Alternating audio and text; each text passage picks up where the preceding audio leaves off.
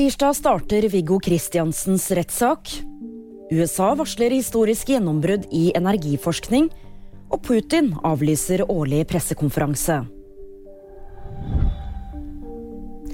Rettssaken til Viggo Kristiansen starter tirsdag.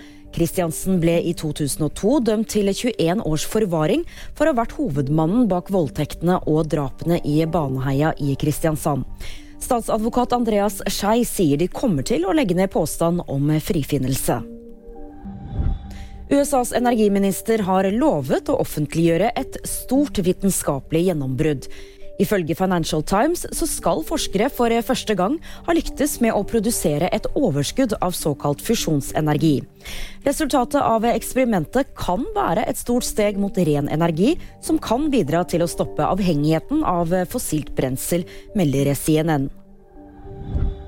Vladimir Putin har avlyst sin årlige pressekonferanse på slutten av året. Det skriver Moscow Times. Dette er første gang på ti år at Putin avlyser den årlige tradisjonen.